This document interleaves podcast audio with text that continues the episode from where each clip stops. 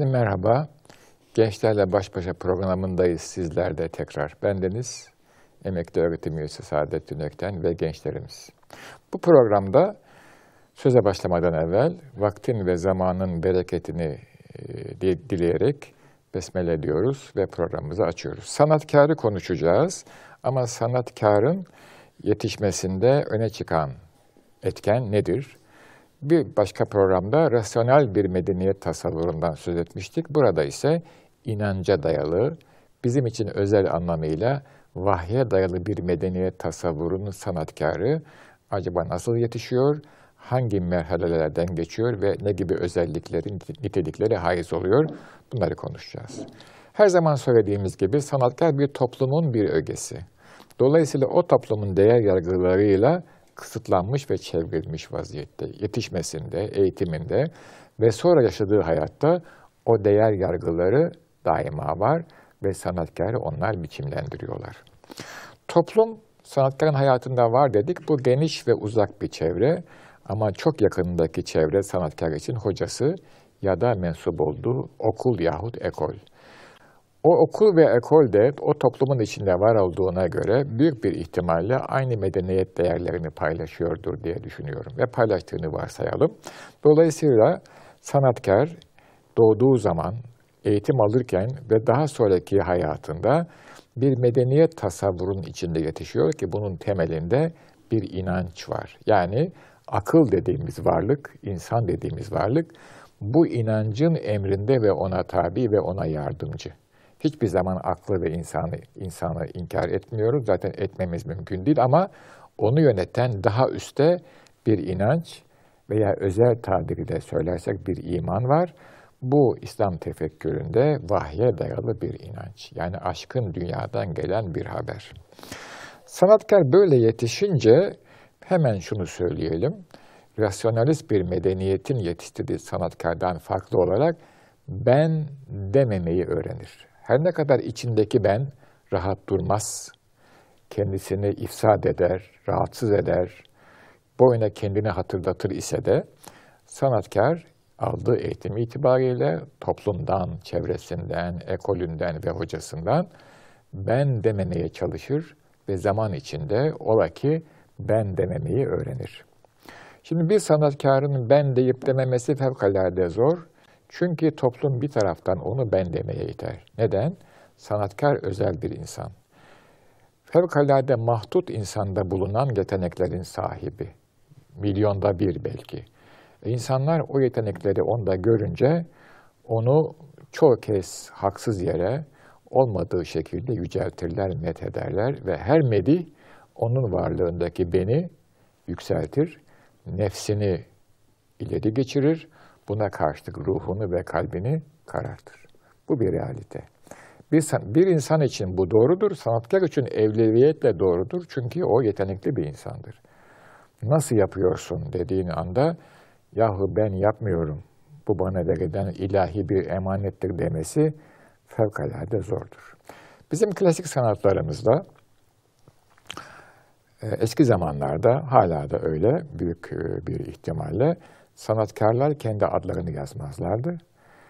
Bilinmeyen la edri yazarlardı yahut da e, mahlaslarını yazarlardı ve mahlaslarının başına da tevazu ifade eden, Allah'a olan kulluğu, kendi günahlarını ifade eden e, sözcükler kullanırlardı.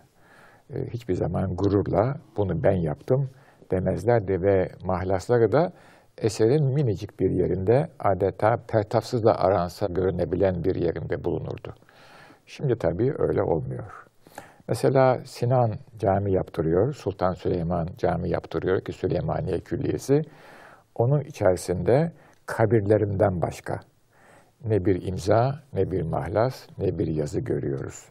Süleymaniye Külliyesi'nde görülen yazılar, Süleymaniye Külliyesi'ni yaptıran büyük motivasyonun medeniyet tasavvurunun kutsal kitabından yapılan alıntılardır. Belki şimdi böyle bir şey yapılsa Sinan da imzasını atar, Sultan Süleyman da kendi turasını en görkemli yere çektirirdi diye düşünüyorum. Bunu bana hatırlatan olaylar da yok değil. Efendim şimdi sanatkarın e, bir vahiy düzenden geldiğini söyledikten sonra toplumsal hayatın içinden geldiğini de ifade ettik. Sanatkar bu toplumsal hayatın kırılmalarını fark ediyor. Çünkü hassas bir insan, ruhen fevkalade hassas. Bu kırılmalar şüphesiz onun üzerinde çok ciddi izler bırakıyor. Ancak sanatkar bu izleri kendi benliğinin aynasına tutmuyor. Ondan geldiğini farkında ve olabildiğince bu izlere, bu kırılmalara karşı e, bir reaktif davranış içinde bulunmamaya gayret ediyor.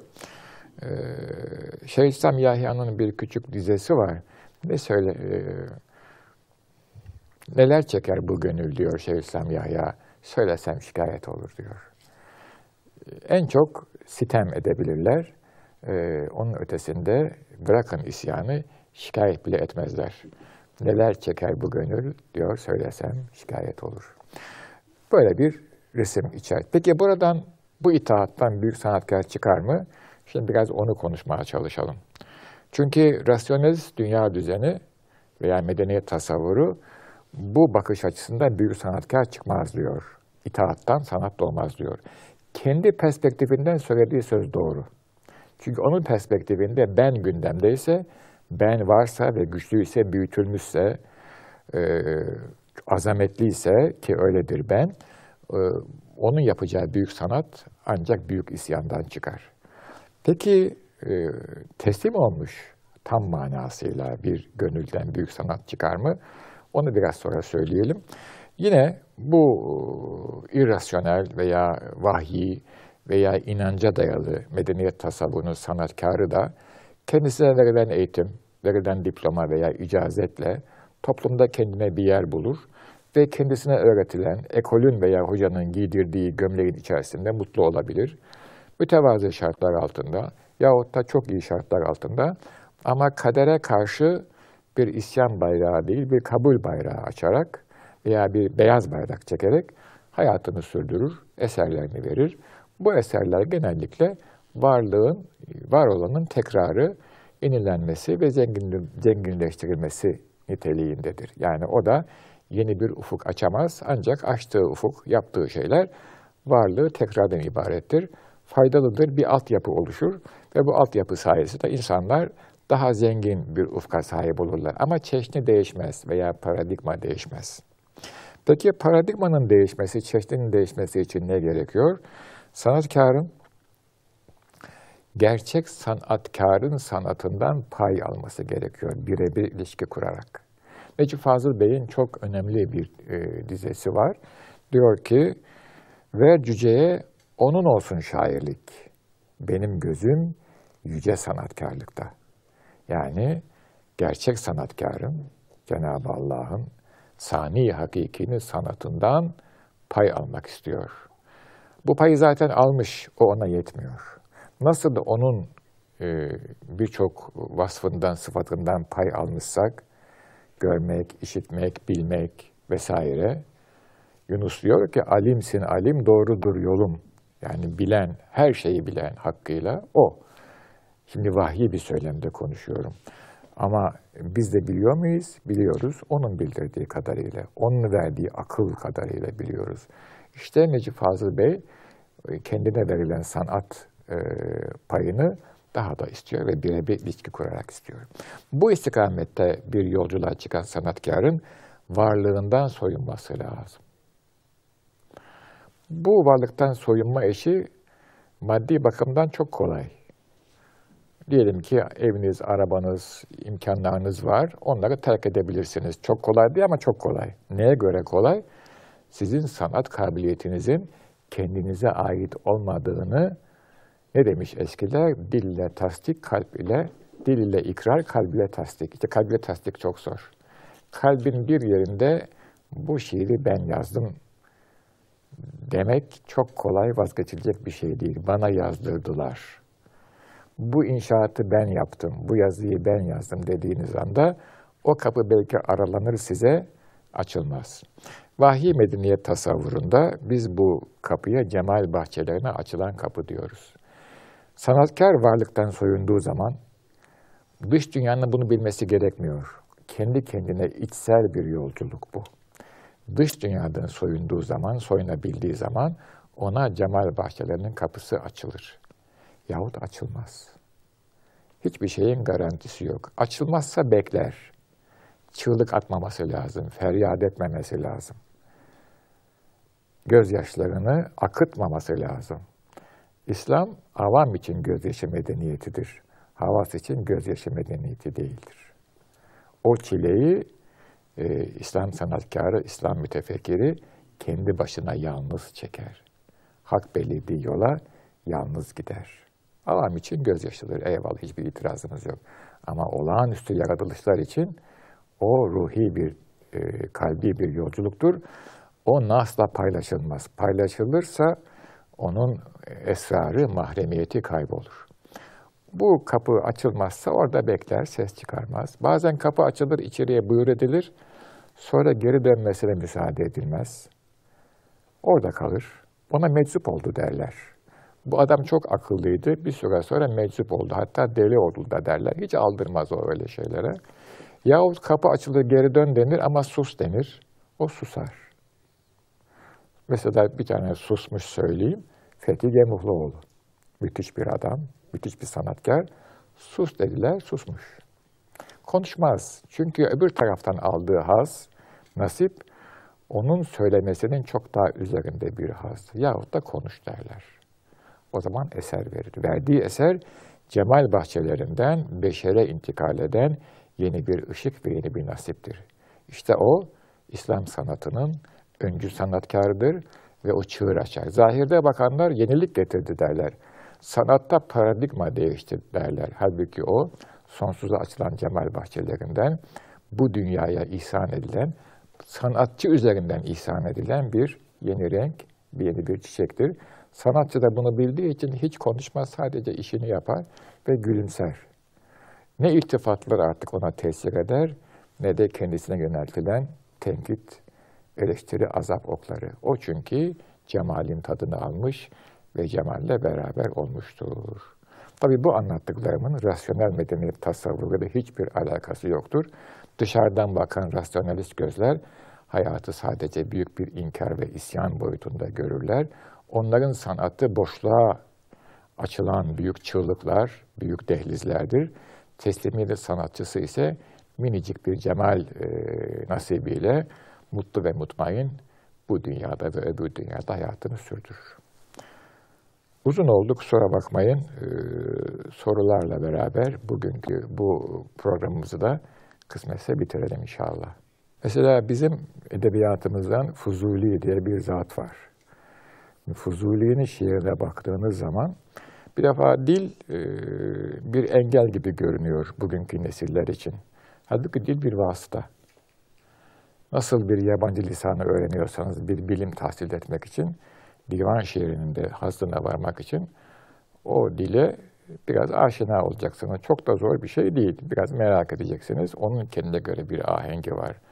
Ama Fuzuli şiirindeki e, derin manayı yakalayabildiğiniz kadar yakalarsanız orada bu teslimiyetin, bu vecdin ne anlama geldiğini göreceksiniz. Bir başka örnek verelim. Mesela Şeyh Galip. Leyla ve Mecnun, Hüsnü Aşk bunlar klasik edebiyatımızın temel eserleri.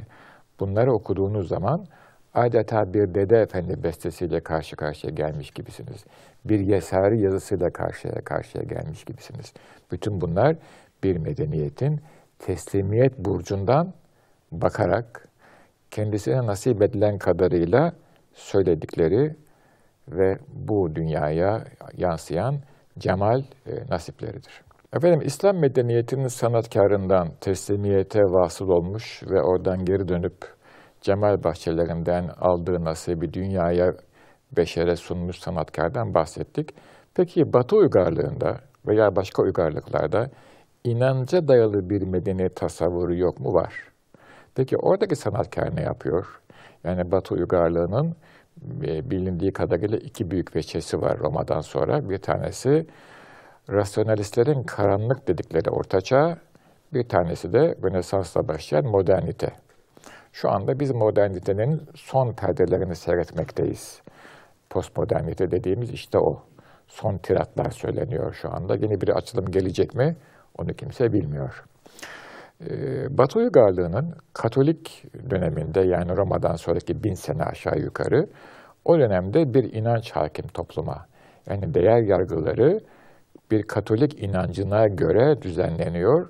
Siyasal otoriteden bütün halk katmanlarına kadar kilise, ruhban, dini otoritede dahil olmak üzere bu e, medeniyet tasavvurunu bu inanç üzerine bina ediyorlar. Burada da işte Cenab-ı İsa var, Hazreti Meryem var, Ruhul Kudüs var, e, tabii ki Rab var. Ama ilişkiler teslis babında, te, istikametinde gelişiyor. Ama bu da bir inanç. Şimdi bu inancın sanata yansıyan boyutu var. Bu inanca olan teslimiyet ve coşkuyla Batı dünyası da rasyonalist dünyadan farklı eserler ortaya koyuyor. Bu da bir teslimiyetin örneği. Ama o teslimiyet İslam'ın teslimiyetinden mahiyet itibariyle aynı ama tat ve safiyet itibariyle farklı. Biz bir Allah'a ve bir Resulüne inanırken onlar farklı bir inancın teslimiyeti içindeler.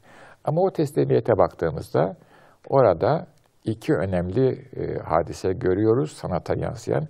Bir tanesi büyük ibadethaneler, gotik katedraller yapılıyor.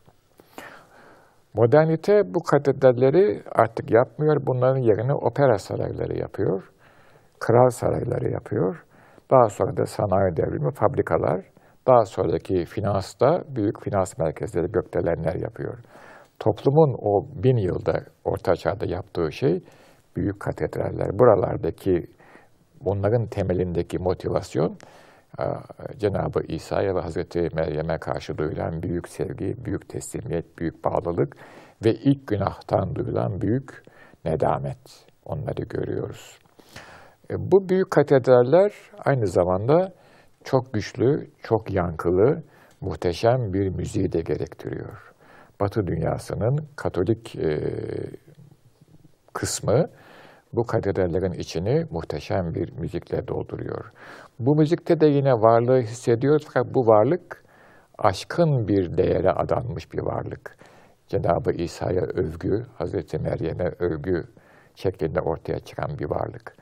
Ancak rasyonalizme doğru kayış gündeme geldikçe artık bu tür eserlerin bestelenmediğini ve toplum tarafından da çok önemsenmediğini görmekteyiz. Dolayısıyla inanca dayalı bir medeniyet tasavvuru, sanatkarı kendisini şu veya bu sebeple ön plana çıkarmıyor, kendisini geri planda bırakıyor, toplumun bütün katmanlarından gelen bir arzu, bir istek, bir ihtiyaç doğrultusunda o dönemde var olan büyük bir dini anlayışa göre hem mimariyi hem de e, müziği inşa ediyor.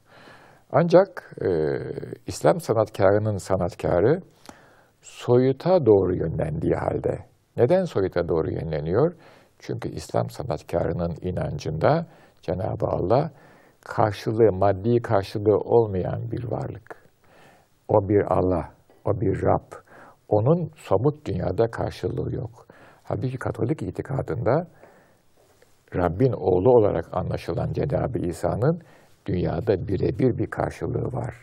Dolayısıyla Katolik dünyanın sanatkarı somutta çok fazla yönlenemez. Ne kadar yönlenmek istese onun ufkunda bir model, bir biçim var. Neden? Çünkü beşer hem ilah hem beşer olan Hazreti İsa var.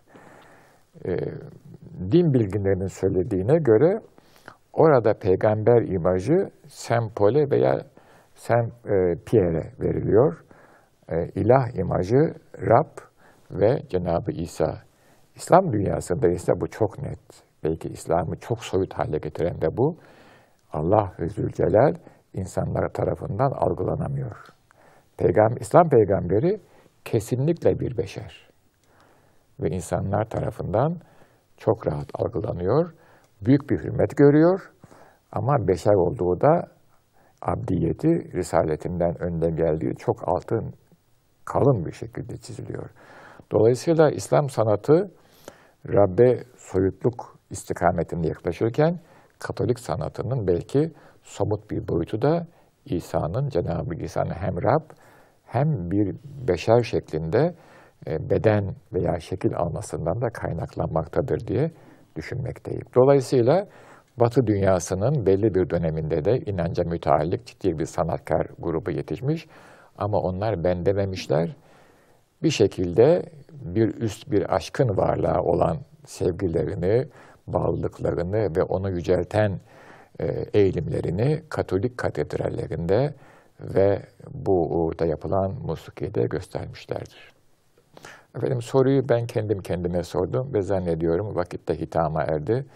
Aziz seyirciler sizleri muhabbetle, saygıyla ve sevgiyle selamlıyorum. Huzurlarınızdan Allah'a ısmarladık diyerek ayrılıyorum efendim.